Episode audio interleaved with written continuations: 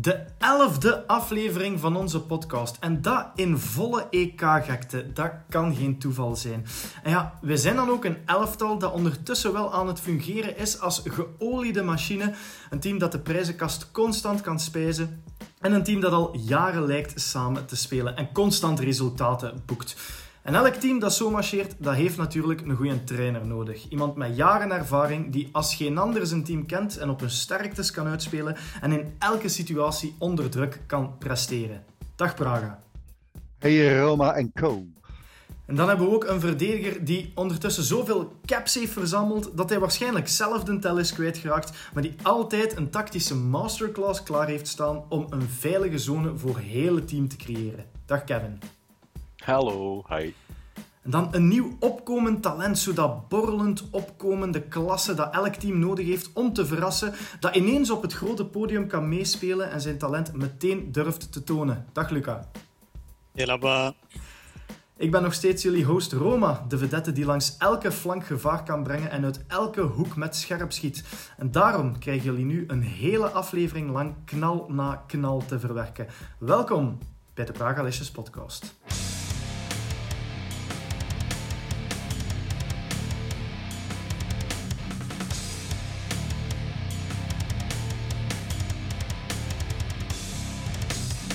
Deze aflevering gaan we ook nog altijd volledig in die EK-sfeer aantonen hoe belangrijk dat is om als team een hele sterke twaalfde man te hebben en hoezeer dat wij dus op het moment content zijn van onze community. Maar beginnen moeten we als een heel goed elftal natuurlijk doen met op te warmen en dat doen we met onze aperitieven. Luca, jij wilt het hebben over iets waar dat wij tijdens de E3-special het niet per se super lang over hebben gehad. Ja, dat klopt. Um, ik zou het eigenlijk graag willen hebben over een uh, title waar ik zelf persoonlijk uh, heel erg naar uitkijk. Uh, namelijk Elden Ring. Want enkele weken terug we, zijn we eindelijk verwend geweest met gameplaybeelden. En kregen we ook een heel lang verwachte release datum. Het enige jammer daaraan is natuurlijk dat die nog heel ver in de toekomst ligt. met name 21 januari 2022. Um, een ander opvallend puntje dat mij is bijgebleven is dat de game zoals de ontwikkelaars het zeggen, simpeler zou zijn dan voorgaande Souls-games. Uh, dat is voor mij zelf als uh, doorwinterde Souls-fan eigenlijk wel iets jammer, want voor mij kunnen de games niet moeilijk genoeg zijn en mag er ja, zeker wel wat uitdaging aan zijn. Je zou dus eigenlijk kunnen zeggen, Luca, dat je in Elden Ring een domme debiel mocht zijn en nog altijd kunt uitspelen. Oh, wel, daar ben ik dus bang voor. Dat, dat is echt mijn, uh, mijn angst dat dat het geval zal zijn. Want uh, als je zomaar doelloos door uh, een folkwall kunt, kunt lopen daar, ja, nee, dat mag niet. Hè? Luisteraars van eerdere podcasts zullen weten waarom dat ik specifiek dom en debiel zeg natuurlijk. Ondertussen een legendarisch moment. Maar Praga, vind jij het een goede zaak of niet? Een goede zaak is veel gezegd. Maar ik kan het enerzijds wel begrijpen. Ik zeg, ik heb ooit bijna Dark Souls 3 uitgespeeld als ik aan die Dancer of the Boreal Valley kwam. Honderd keer geprobeerd en niet doorgeraakt. En ik vond dat wel jammer, want ik was echt wel zwaar onder de indruk van Dark Souls 3. En ik ben zo iemand die zijn games graag uitspeelt. En ik vond het echt wel jammer dat, dat ik door mijn ja, onkunde of weet ik veel wat heb moeten stoppen met spelen. En Elden Ring ziet er ook weer fantastisch uit. En dan lijkt het me ook weer jammer als je eraan begint dat je nou zoveel uren erin te steken hebt dat je dan gaat moeten stoppen omdat je op een of andere reden niet verder gaat. En het is een fantastische reeks en ja, die is gekend om zijn moeilijkheidsgraad. Maar op die manier is het ook wel jammer dat andere mensen geen kennis kunnen of durven maken met, met de reeks en met het genre. Dat vind ik wel jammer. Pak nu, ik ben nu ook bezig, allez, bezig met, Bloodborne, te herspelen. En dat is, ik, vind, ik dat echt een heel super cool spel, maar het is op momenten zo moeilijk dat ik ja, dat ik er gefrustreerd van raak en dat ik het echt wel jammer vind. Want ik wil het wel spelen en ik wil het wel uitspelen, maar... Ja. Luca, zou de Dark Souls-reeks even populair en, en even groot zijn, mochten ze vanaf het begin niet zo moeilijk zijn geweest? Ik denk van niet. Ik denk eigenlijk dat hetgeen dat die games net zo typerend en uniek maakt, is het feit dat ze zo bijzonder moeilijk zijn. Want allee, als je aan eender welke game van vraagt van ja, kijk, noem, noem een van de moeilijkste games op die je kent. Ik denk dat bijna iedereen, of 90% wel, uh, de Souls games zal vermelden. Omdat die gewoon zo daarom bekend staan. En dan maakt die net zo uniek en zo succesvol. Omdat mensen eigenlijk hunzelf willen pushen om die games te proberen uit te spelen. Om te kunnen zeggen van kijk, Ik heb een van de moeilijkste games uitgespeeld. En dat is eigenlijk ja, een doel. Dat was ook allee, bij mij een reden dat ik mezelf pushte om die games uit te spelen. Want ja, het, is, het, is, het is inderdaad pittig, dat ga ik niet ontkennen. Maar de voldoening die je eraf haalt, is, is, is wel ontzettend groot ook. En dat is dan nog een extra kick voor u als je dan weet van ik kan dit wel en Praga kan dat niet. Oh, wel ja, exact. En toen ik hoorde dat hem uh, zo aan het worstelen was, dat was yes, yes. Dat was alleen maar ja. bonus. Praga, jij wil het over een andere heel relevante titel hebben die er niet snel genoeg kan zijn als het van mij afhangt. Ja, Battlefield 2042 geeft uiteraard zijn pakken uit, maar we hebben de grootste multiplayer ooit. 64 versus 64. 128 spelers samen op één map. Maar ja, als we geen 128 vinden, dan plaats voor bots in. Allee, ik bedoel, ja. ik vind als je ambitieus bent, dan moet je plannen ook waarmaken. Als je nu ziet bij, bij Call of Duty Warzone, dat zijn 150 spelers, op twee minuten is, is, is, zijn, zijn die servers gevuld. En daar zijn geen bots bij. Het is gelijk als je zegt van, weet je wat jongens, we gaan de snelste auto ooit maken. Maar ja, als dat niet gaat, ja, uh, weet je wat, dan, dan, dan, gaat hij iets minder snel gaan of zo. Hè. Of weet je wat jongens, we gaan met 11... We gaan, dat vanavond, voor een vergelijking.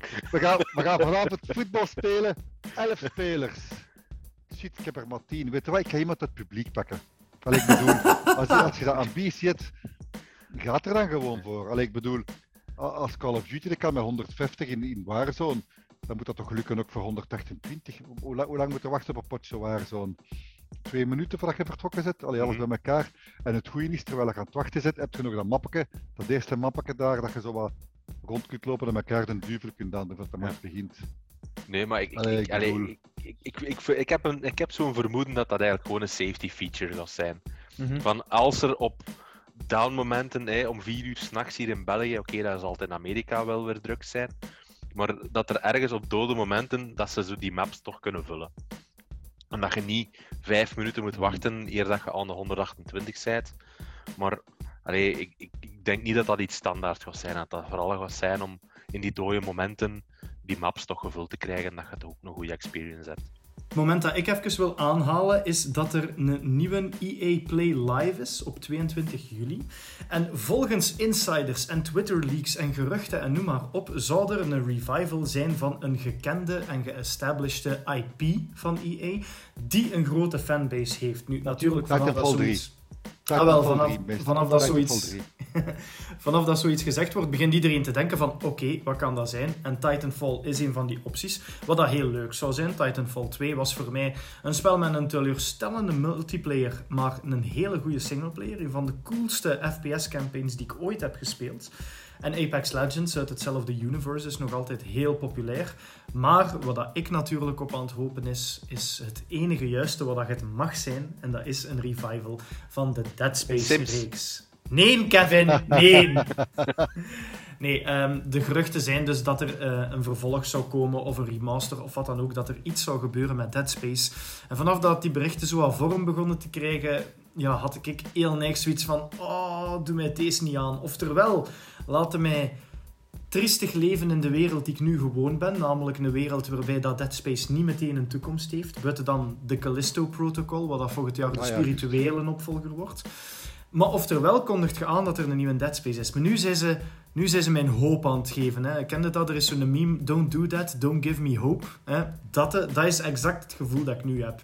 En zeker omdat er net nog uh, Kevin tegen mij zei dat het YouTube-kanaal van Dead Space zijn logo voor het eerst in acht jaar heeft aangepast. Het is dan wel naar een oud beeld van Dead Space 2. De helft van de cover van Dead Space 2 is nu het, uh, het banner-image, zeg maar. Maar dan nog, ja, eerste activiteit in acht jaar duidt toch ook op het feit dat er misschien wel iets komt. Ja, Dead Space 4 is de ultieme natte droom voor mij. En een Dead Space Remaster zou ook fantastisch cool zijn als je die sfeer en, en, en, en die graphics en die omgevingen van de originele Dead Space, als je dat brengt op PS5, ik denk niet dat er in België genoeg onderbroeken zijn om de game community daarvoor te steunen. Maar uh, een mens kan maar hopen en die hoop is nu aangewakkerd. En op 22 juli ga ik dus ofwel een zielsgelukkig mens zijn. Oh, die kan zagen zich. zagen, potje. Uh, het moet wel. Maar een stom spel, hè? Het nee, nee, nee. Ah. Ik vind wel, als ze het doen, dan moeten ze het doen zoals bij Mass Effect, de ganse trilogie. remasteren. Ja. Dead Space Legendary Edition. Mm ja. Juist zoals ik ooit hoorde dat er van Resistance ook ooit een Legendary editie Oeh, ja. met de drie Resistance games. Maar ik begrijp waarom, ik heb 1 en 2 dolgraag uitgespeeld. En in 3 gingen ze zo de kooptour op en mhm. daar had ik het wat minder voor eerlijk gezegd. Maar het zijn fantastische games en van mij mogen ze terugkomen, absoluut. Kevin, over wachten gesproken, er is een fanbase die nog lang gaat mogen wachten. Ja, daar vrees ik ook wel voor. En die zijn al heel lang ontwachten. Want allee, ik heb het er uh, een paar weken terug ook al eens over gehad. Over het feit dat de GTA 5 een next-gen versie gaat krijgen. Op wapenstilstand nog wel, god betert. Um, en ja, nu, nu doen er weer nieuwe geruchten de ronde over de opvolger, hè, de lang verwachte GTA 6. En volgens uh, een vrij betrouwbare uh, YouTuber en leaker van, van dergelijke geruchten, zouden we toch nog wel uh, een jaar of vier kunnen wachten op uh, GTA 6. Dus dat wil eigenlijk zeggen dat dat 2025 is, eer dat GTA 6 zou uitkomen. Dat wil zeggen dat waarschijnlijk tegen dan we ergens in de lijn, in de rij gaan staan om de PlayStation 6 of zo, of PlayStation, uh, ja, PlayStation 6 te gaan ophalen ergens. Ik weet het niet. Um, nu, nu jij dat gezegd en morgen verschijnt overal in de gamingpers dat GTA 6 de launch Volgende week de PlayStation. Nee, nee, bij de PlayStation 6. Ah, ja, GTA 6, PlayStation 6, dat kan toch geen toeval meer zijn? Alle sites pakken dat, views gaan weer naar omhoog en iedereen is zo content. Oh ja, maar ik, ik vind, allee, ik vind goed, allee, voor mij hoeven games niet uitgemolken te worden. Hè. Dat, we hebben dat in het verleden al gezien, dat, allee, dat er gamesreeksen heel goed werken, waar dan elk jaar een, een game van komt. Ik denk Assassin's Creed is daar eigenlijk denk ik een voorbeeld van. Ja. Er zijn er in elk jaar verschenen en gezakt hoe die kwaliteit stelselmatig naar beneden komen. Ze hebben dan een sabbatjaar genomen of twee jaar.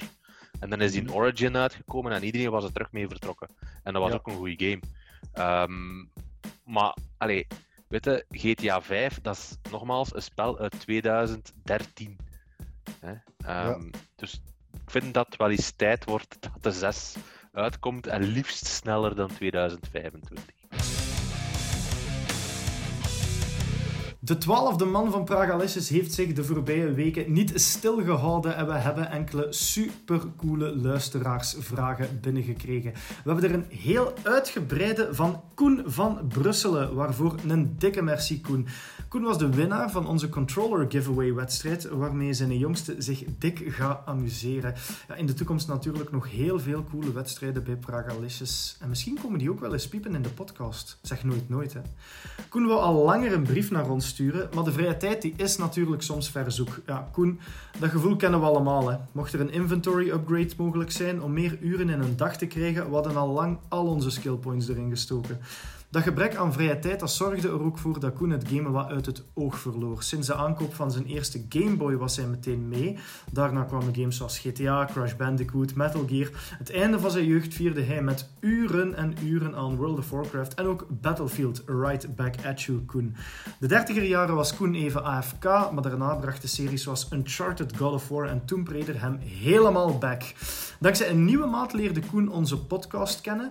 Dus Koen, die maat keepen, hè, dat is echt een vriend voor het leven, dat hoor ik zo.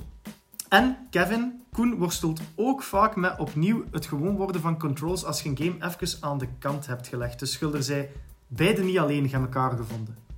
Ja, absoluut. Ik ben niet alleen. Het ligt niet alleen aan mij. Voilà, het is dat. En je hebt zelf nog meer invloed op Koen gehad, want het is dankzij onze game over van Bioshock dat hij die reeks is beginnen spelen. En ondertussen heeft hij de eerste twee delen uit. Is aan. Kijk hoe. Hey. De Koen heeft voor ons elf keer twee gelijkaardige games tegenover elkaar gezet. En die vraagt dan ons welke reeks dat onze voorkeur draagt. Dus ik heb hier elf dilemma's. En het is nu aan ons om ja, daar eigenlijk eh, een beetje klaarheid in te scheppen. Hè. Dus we hebben hier een comité van vier stemmen. Dus we gaan zien welke reeksen dat winnen. Praga, ik ga beginnen met u. De eerste twee klassiekers tegenover elkaar. Een genre waar ik denk dat je wel veel ervaring bij hebt. Command and Conquer of Warcraft. Holy shit.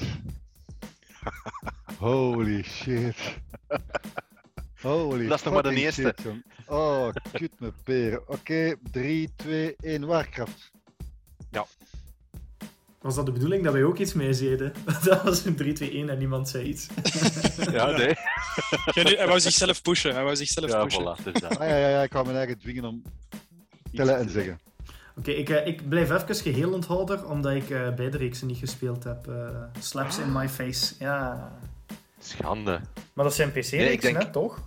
Ja, dat is PC, ja, natuurlijk. Ja. Ja. ja. ja. ik zou ook voor uh, Warcraft gaan, gewoon alleen omdat dat eigenlijk doorgegroeid is naar World of Warcraft. Ja. En Command um... Conquer, daar is het al veel te lang stil rond. En die zijn ook episch en die tussenfilmpjes zijn altijd graag. En Tanya is nog altijd kei cool. Ah, maar toch alert. is Warcraft, vind ik, ja, vind ik toch leuker. Die, die fancy setting, ja. Verhaal, de boeken, het universum. Ja absoluut. Op zich, ik denk dat ik ook uh, Warcraft zal, zou zeggen, maar ik weet ook nog wel vroeger, uh, was dat altijd toen ik heel klein was. Uh, mijn broer speelde dan altijd Command Conquer. Ja. Altijd gaan meekijken op zijn kamer en Mhm. mm was altijd wel excited. maar ik was zelf nog veel te klein om die games uit te proberen. Maar dat was ook wel geweldig. Voor Warcraft is het unaniem 3 tegen 0. De volgende die kop ik richting Luca. Wolfenstein of Doom? Oef, dat is ook uh, direct een pittige zeg. oh, goh, goh, goh. Ja, dan ga ik toch wel voor, uh, voor Wolfenstein gaan. Oh, maar Luca, nee, dat is ja, niet sorry, antwoord. sorry, sorry. Doom is beter. Ik hoor een Doom van mij, ik hoor een Doom van Kevin. Praga, je bent ook team Doom, hè? Ik, ik zie het al. Ik ga Wolfenstein zeggen. Ah, ja, ja, ja. Voilà, voilà. Join the club. Wolfenstein, Doom, Quake. Ik werd van de, de dingetje... Heet daar al Duke Nukem? Ik werd van die games vroeger zeeziek als ik dat speelde. Dat was zo dat scherm was echt links, rechts, op, naar beneden. Dat zo blokkerig allemaal. Man, ik werd van zeeziek van. Zeeziek vroeger. Verschrikkelijk. Oh. Ik vind voor de record beide reeksen cool en beide reeksen hebben een plaatsje in mijn hart. Vooral omdat beide reeksen ja, super badass uh, dat gevoel kunnen geven. Je hebt BJ Blazkowicz bij Wolfenstein, uh, Doomguy Doomslayer bij Doom, obviously. Maar er is geen enkele game die mij zoveel een, een badass gevoel geeft als Doom. Ik herinner mij nog, voor mij het mooiste moment misschien, is die eerste trailer van Doom Eternal, dat de Doomslayer die kamer binnenwandelt en zo. Iedereen deinst zo een beetje terug van, oh my god. En dan pakt hij zo'n kerel bij zijn paske rond zijn nek vast en die sleurt hij mee. En, en dan pakt hij de BFG en noem maar op. Ja, er is geen enkele game. Plus die metal soundtrack van Mick Gordon, die first person, die, die frantic first person shooting, voor mij is Doom. Misschien, ik durf te zeggen, mijn favoriete singleplayer FPS-reeks ever. Ja. Quake 3 was ook niet slecht. Wacht, Quake 3 Arena. En dan Quake, Quake Maar Quake, is, het is Doom of Wolfenstein, hè? Praga, je moet er geen bij halen, hè? We gaan het niet makkelijker ja. maken, kom.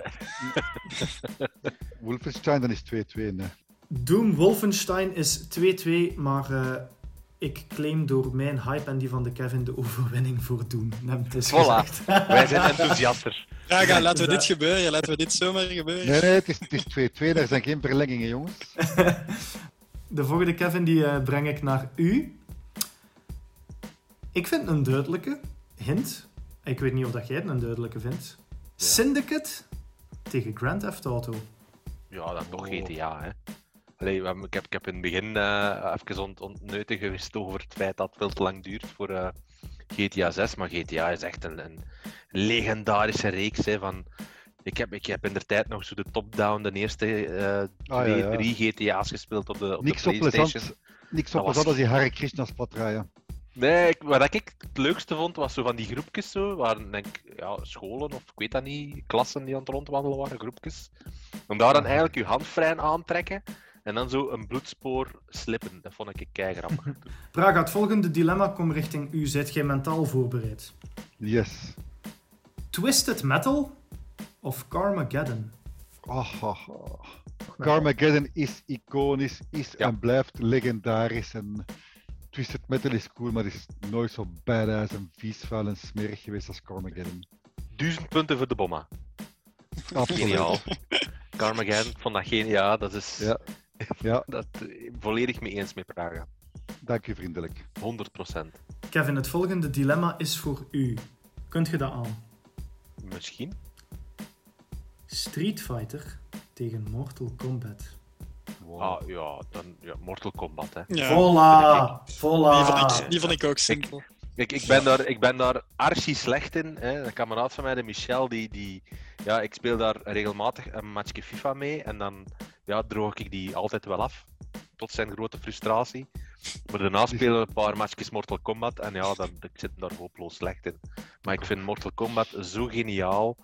Zo cool. Van die, die fatalities en zo. Ja, niet uh, veruit Mortal Kombat. Het is opnieuw de bloederigheid dat wint, hè? Ja, ja, Altijd. sowieso. Ja. Ja. Maar Praga gaat u nog niet uitgesproken? Je zet toch ook die Mortal Kombat of we kijken nu? Yes. Ah, oké. Unaniem 4-0 Mortal Kombat. Luca, ik heb hier een hele schone. Uncharted of Tomb Raider? Kinderspel, Uncharted.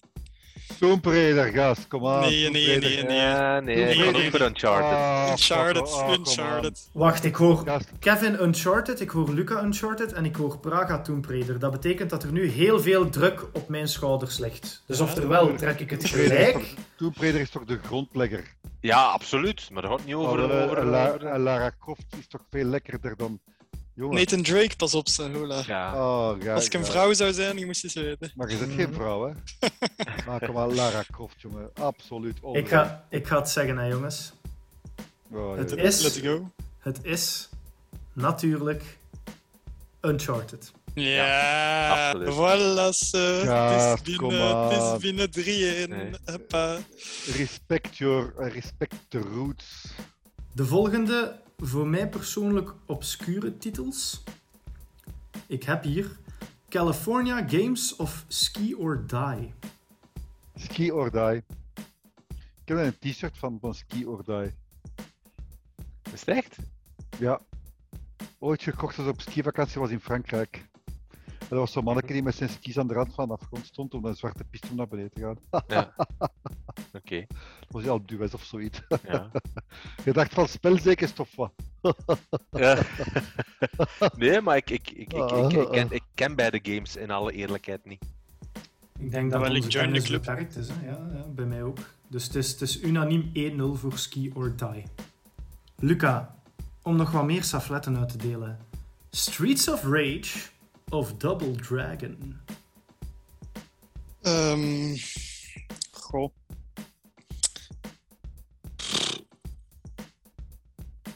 Double Dragon. Hmm. Ik volg Luca. Ja. ja. Double Dragon. Toch ook wel, ja. Omdat daar Double D in zit. Adam Roma of moet je het even opzoeken op YouTube? Nee, ik, uh, ik, heb hem net. Ik heb hem net. Allee, ik heb hem vast, ik zal het zo zeggen. Okay, de volgende, die ga ik naar de Kevin geven. Maar Kevin, ja. ik ga wel al verklappen mm dat er een juist en een fout antwoord is. Ja, maar ik, ik ga sowieso voor u het foute antwoord geven, dat weet ik nu al. We hebben dus Diablo versus Fallout. Ja, dan ga ik toch voor Diablo gaan. Sowieso. Dus ik veel, ja, de, ja ik, ik, ben wel fan zo van dat top-down action RPG. Uh, lekker chaotisch. Uh, ja, nee. En ook die setting, die, die core dat erin zit. Ja, nee, ik, uh, ik ben al heel lang aan het uitkijken naar Diablo 4. Dus, um, en Fallout is naar mijn mening de laatste jaren heel hard achteruit gegaan. Mm. Um, en ja, daarom. Uh, en oké, okay, Diablo, Diablo uh, 3 was ook niet perfect bij launch, maar nu is dat een geweldig goede game. Inderdaad, Kevin, gelijk dat je zei, voor mij is dat zo gezegd het foute antwoord. Ik ben de Fallout fanboy toch in, deze vergelijking. En ja, de laatste jaren, ja, Fallout 76, alhoewel dat ik er mij mee geamuseerd heb in het begin, was natuurlijk wel een mislukking. De Fallouts daarvoor, deel 3, deel 4, vond ik fantastisch. Diablo vind ik leuk, maar Fallout, ook qua setting en dergelijke, heeft toch wel echt veel meer voor mij. Het is een setting waarin ik graag eens zou vertoeven zelf, zo dat post-apocalyptische met toch dat, dat retro-punk sfeerke. Maar het was een heel mooi beeld eigenlijk. Het is jammer dat de mensen het niet zien met de podcast erbij, maar toen dat Kevin aan het beslissen was, uh, sloegen Praga en Luca gezamenlijk de armen achter het hoofd in volle denkstrijd en tweestrijd met zichzelf. Dus jongens, uh, wat zijn de antwoorden geworden? Ik vind met dat mutantenkoppen van u dat je best wel in Fallout Universum past als Ja, ik, vind, ik, vind, ik vind Fallout, Fallout zouden eerder moeten vergelijken met een The Witcher, vind ik. Ja. Fallout singleplayer, The Witcher singleplayer. En Diablo, dat is dan meer dat, moet dan, dat, dat kun je dan in koop spelen, dat moet dan vergelijken met iets soortgelijks, vind ik. Ja, dat ik vind, ook, ik vind de vergelijking ook een beetje moeilijk. Want het zijn alle twee oh ja, topgames. Hè. Dus ik zet hier mijn joker in. De volgende breng ik naar Praga. Ik heb Prototype versus Infamous. Activision versus PlayStation. Ja. Ik ga dan pakken Infamous. Mm ja. Want ze ik heb ooit jaren geleden van de hoofdpersonage hebben ze uh, kunstwerkjes gemaakt en uh, op een van die kunstwerkjes mijn gezicht gezet. Dat gewoon omgekocht uh, eigenlijk. Nee, nee, nee, nee. nee ik, ga, ik ga Infamous pakken. Maar het is ook wel games die keihard op elkaar trekken. Ja, ja, absoluut. Ik vind het enorm moeilijk. Dat is zo pak dat je moet kiezen tussen Spider-Man en Batman. Ja, maar... Nee. Wat, we wijken af van de discussie. Ik vind Infamous beter. Voor mij is het ook Infamous. Goh. Hmm. Joker. Ik zet met een joker in. Dan is het 3-0 voor Infamous. Hè. De laatste... De laatste vind ik uh, zelf een hele mooie. En ik heb hier altijd met iedereen begonnen. Dus de laatste geef ik eens de aftrap. Ja. Door ook geen antwoord te geven maar wel op mijn eigen manier. Het is Medal of Honor versus Call of Duty, waarbij dat ik zeg PlayStation 2 Medal of Honor, PlayStation 3 en onwards Call of Duty. Nipt Call of Duty in totaal, maar put some respect on the name of Medal of Honor. Het is allemaal, is allemaal begonnen met Medal of Honor Allied Assault. Hè. Ja. Een van de meest epische games zijn het ook. Er is aan bras gekomen tussen teams die aan Medal of Honor hebben gewerkt, gewerkt en gewerkt. En ze zijn afgesplitst en een deel is met Call of Duty begonnen. En de rest is bij Medal of Honor blijven hangen. Maar mm -hmm. Medal of Honor is de grondlegger, dus respect voor de grondlegger. Ja, absoluut. De, de, de, de landingsscène in Normandië. Hm. Ja. Um, ja, nee, toch wel uh, Medal of Honor hoor, voor mij. Ja. Uit respect voor, ja. voor de wortels. Goh, ik ga toch uh, eerder richting Call of Duty neigen. Mm -hmm. Puur, ja, die game lag mij gewoon veel meer in, uh, ik heb er ook echt wel ontzettend veel uren op afgesleten. Dat echt gewoon een beetje gênant is eigenlijk. Ah, wel, dan hebben we hier een heel mooi compromis. Respect voor de grondleggers en ook respect voor de opvolgers. En een mooie 2-2 tussen Medal of Honor en Call of Duty. Dus ik weet het, oké. De luisteraars beseffen dat ook. Daarnet was het gelijkspel tussen Doom en Wolfenstein. Eigenlijk heeft Doom gewonnen. Maar nu is het gewoon een volledig harmonieus gelijkspel. We hebben ook nog een tweede luisteraarsvraag die we graag even aan bod laten komen. En die komt van Yannick Rigo. Merci, Yannick. Yannick zegt: Ik las net het artikel op jullie website. PlayStation-baas Jim Ryan haalt eindelijk uit naar PS5 scalpers. Ik ben bij de gelukkige die wel aan een PS5 en Xbox Series X is geraakt op day one via een pre-order. Maar ik weiger om ooit geld te geven aan scalpers. Ik vind dat hier streng tegenop moet getreden worden. Moet er hier een wetgeving volgen voor jullie voorkomen? En wat kunnen bedrijven zoals Sony, Microsoft en Nvidia doen om het scalpen tegen te gaan? Kevin, hoe gaan we de scalpers scalperen? Ja, dat, uh, dat is. De vraag van die miljoen, denk ik. Hè? En, en uh, iets de, waar dat, uh, heel veel mensen, hè, de, mensen die nog geen uh, PlayStation 5 of nieuwste grafische kaart hebben. Um, maar ja, ik denk dat het probleem zich, zich situeert um, tweeledig is. Enerzijds, dat is een fenomeen dat eigenlijk al jaren bestaat. Ik denk dat dat al bij, bij alle generatie consoles en grafische kaarten wel iets of wat voorkomt. Hè. Er is altijd wel een tekort. Nu, door, door de coronapandemie denk ik dat er uh, zeer veel mensen uh, geïnteresseerd waren in de consoles. Meer mensen dan normaal. Um, dan, dat meegenomen. En dan ook nog eens het feit dat eigenlijk. Ik weet natuurlijk niet over heel de winkel, maar ik weet toen in België, uh, in die periode waren de winkels ook gesloten. De niet-essentiële winkels. Of moesten zo werken op afhaling. Wat eigenlijk voor zo'n console launch eigenlijk altijd jammer is. Hè? Want ik weet, er zijn altijd wel wat gespecialiseerde winkels die dan zo van die grote openingen doen, s'nachts uh, om middernacht of één minuut na middernacht de winkel open doen en dat dan iedereen een console kan komen halen en een groot feest. Ja, dat was nu niet mogelijk en alles moest via internet gaan. En ja, en dan kom je op een punt waarbij dat uh, ja, slimme mensen tussen aanhalingstekens bots gaan inzetten om uh, ja, die PlayStation 5 consoles snel en automatisch te kopen. Uh, waardoor dat eigenlijk de normale mens geen kans heeft om die consoles in huis te halen. Of dat de winkels een uh, periodesystemen niet op, orde hebben of een afrekeningssystemen niet op orde hebben, waardoor dat alles crasht. Dus ja, ik, ik, ik vind het moeilijk om daar iets van een wetgeving rond te maken. Ah, wel, ik heb ook hetzelfde. Bij mij is dat zo wat van. Enerzijds is het ook de plicht of de bedoeling van de suppliers dat, dat ze de uh, demand kunnen, uh, kunnen tegemoetkomen. Maar ja, langs de andere kant kunnen dan ook beginnen zeggen met concertticketen is dat ook altijd iets dat dat voor woeker, woekerprijzen wordt doorverkocht. Uh, dus ik vind het ook heel moeilijk om er iets ja, specifiek te zeggen van kijk, dit is de oplossing tegen scalpers. Ik weet niet of dat grote wijze Praga daar een oplossing voor heeft. Het is misschien een zotte vergelijking, maar je kunt het vergelijken met uh, de rush op wc-papier met het begin van corona. Iedere keer gaat iedereen wc-papier beginnen te hamsteren.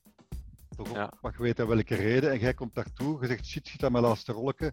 Je komt toe in, in, bij de Colruyt of whatever en er is geen wc-papier meer. Dan staat dat als gewoon een vriend en je moet zo dringend kaka doen.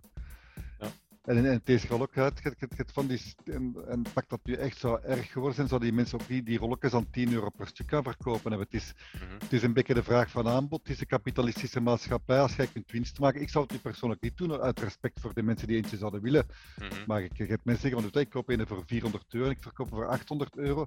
En om het plat te zeggen, er zijn altijd zotten dat dat geld aan geven. En zolang als dat die zotten niet zeggen van ik geef het geld er niet aan.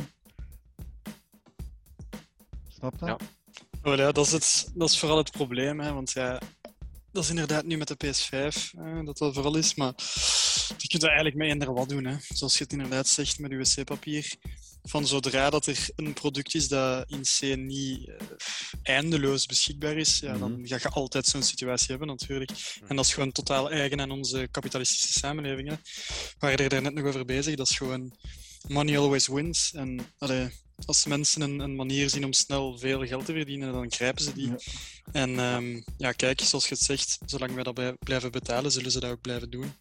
Ik kunt uh, zeggen van ja, het is de schuld van Sony, ze hadden maar moeten zien dat er genoeg waren. Ja, anderzijds kwamen ze ook met corona in contact, waardoor er dan te weinig grondstoffen zijn om zowel Sony als Microsoft hun consoles af te werken. En, eigenlijk als die Nvidia-kaarten, die, die RTX'en daar, het is allemaal hetzelfde ja. verhaal. Je hebt dan die slimme gasten die kopen dat en die en die verkopen dat voor twee keer, drie keer de prijs. En er zijn altijd mensen die dat geld hebben of dat geld willen geven. En mm zolang dat die, die, die, die markten in stand houden, gaan er mensen zijn dat zeggen van oké, okay, ik ga er twee kopen, ik ga die verkopen met winst. Hè.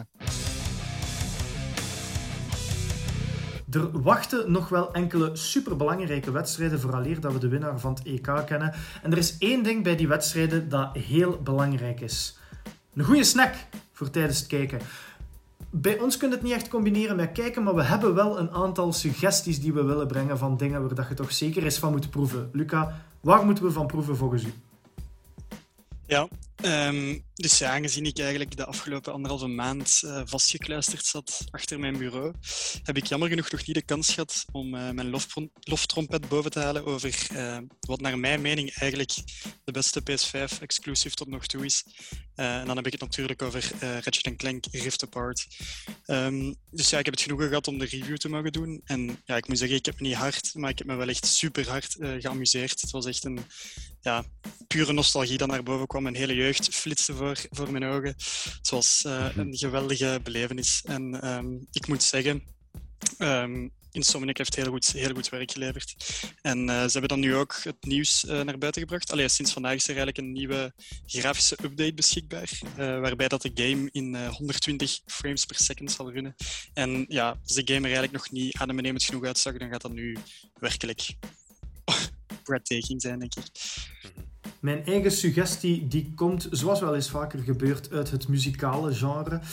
Mensen die mij kennen of die naar de podcast luisteren, die weten ondertussen dat ik van het iets meer heavy werk houd. En uh, een paar dagen, een paar weken geleden heeft er uh, een van mijn favorite bands of all time voor het eerst in zes jaar nieuw werk gelost. Dat is een industrial metal band genaamd Fear Factory. Dat is een band mm. die veel groter zou moeten zijn dan dat ze zijn. Praga, je bent ook een fan? Ja, absoluut. Sinds eind jaren 80, begin jaren 90 is dat een revolutionaire band geweest, omdat dat de eerste groep was die clean vocals met heel diepe grunts combineerde, die echt een heel futuristische, cyberpunk-achtige sound hanteerde. Uh, ze werken met heel veel thema's rond uh, robots, de toekomst, noem maar op. Er zitten heel wat quotes van Mad Max, Terminator in. En die hebben dus voor het eerst in zes jaar een nieuw album gelost, dat heet Aggression Continuum. Dat is fantastisch. Je kan de lead single Recode beluisteren via YouTube of Spotify. Zeker doen, maar het is, uh, het is voor de fanaten van het zwaardere werk. Maar het is wat mij betreft een, eh, een absoluut pareltje geworden. Dus de zes jaar wachttijd toch wel waard. Zit hij in België daar nog bij als bassist of niet? Want dat was een Belg die een bassist, hè? Christian Olde Wolbers is gestopt als bassist in 2008. Goh, wat hem laten weten, ik die plaats wel ingenomen op verdienen. Het is nu een, het is nu een Mexicaan geworden. Taco, taco chica. Praga, over taco chicas gesproken. Van uw suggestie doet je die misschien in de broek? ja, ik ben om de een of andere reden reeds jaren in de ban van een klassieker genaamd Alien Isolation. En aangezien het toch een beetje komkommertijd is op het vlak van games, dacht ik van hey, uh, laat me die game nog eens herspelen. Hij zit sowieso bij in uh, alleen Xbox Game Pass, dat ik hem gratis kunt spelen. Maar ik heb hem ooit gekocht, heel de uitbreiding, alleen met, met de uitbreidingen bij op uh, PlayStation. Dus ik heb die opnieuw gedownload en ik ben nu aan het spelen op PlayStation 5 en ik blijf erbij. Het is toch, ik ben geen fan van horror games, maar van dit genre ben ik wel fan. Het is creepy, het is geleefd op den duur op het geluid van uw, van uw detector. Die, dat claustrofobisch gevoel, weten dat er elk, echt elke seconde iets kan gebeuren. En waarom ik dit deze keer wil graag spelen, bijvoorbeeld Resident Evil niet, is gewoon dat je hier weet, mijn tegenstander is die xenomorf. En bij Resident Evil, ik weet dat zijn, dat zijn monsters, dat zijn spoken, dat zijn geesten, van die paranormaal toestanden allemaal. En, uh, maar ik zeg het toch, die sfeer van Alien Isolation die is uniek en bovendien dus de PS4-versie draait op PS5 en het ziet er toch altijd heel, heel proper uit. Het is een klassieker die zeker mee kan met de absolute toppers qua horrorgenre. En al zeven jaar oud ondertussen. Kevin, de laatste suggestie waarmee dat we de luisteraars weer twee weken in de toekomst sturen, die komt van u. Zorg dat ze goed is. Ja, ze is, ze is heel goed, maar het is niet gemakkelijk om um, de tip te geven zonder te spoileren. Dus ik kan er ook niet heel veel over zeggen. Ik kan alleen maar zeggen dat als je Disney Plus hebt, of je hebt interesse om Disney Plus te nemen, kijk alsjeblieft naar Loki. De, de, de reeks over The God of Mischief, gespeeld door uh, Tom Hiddleston. Het is, uh, ja, ik, ik ben er eigenlijk een beetje argwanend aan begonnen aan de reeks. En ik vond de eerste aflevering ook niet top. Maar ondertussen zijn er uh, vier afleveringen uit. En ja, ik heb zo doorgebeten. De, de, de eerste helft van de tweede aflevering was ook niet geweldig. En vanaf dan ja, is dat eigenlijk vertrokken als een trein, die reeks. Um, in elke aflevering zit wel een gigantische what the fuck moment met een gigantische cliffhanger. Het, het, is, ja, het zit heel goed in Het ziet er grafisch heel goed uit. Um, visueel, visueel gebracht. Nee, het is echt. Um, het is beter dan ik zelf had verwacht.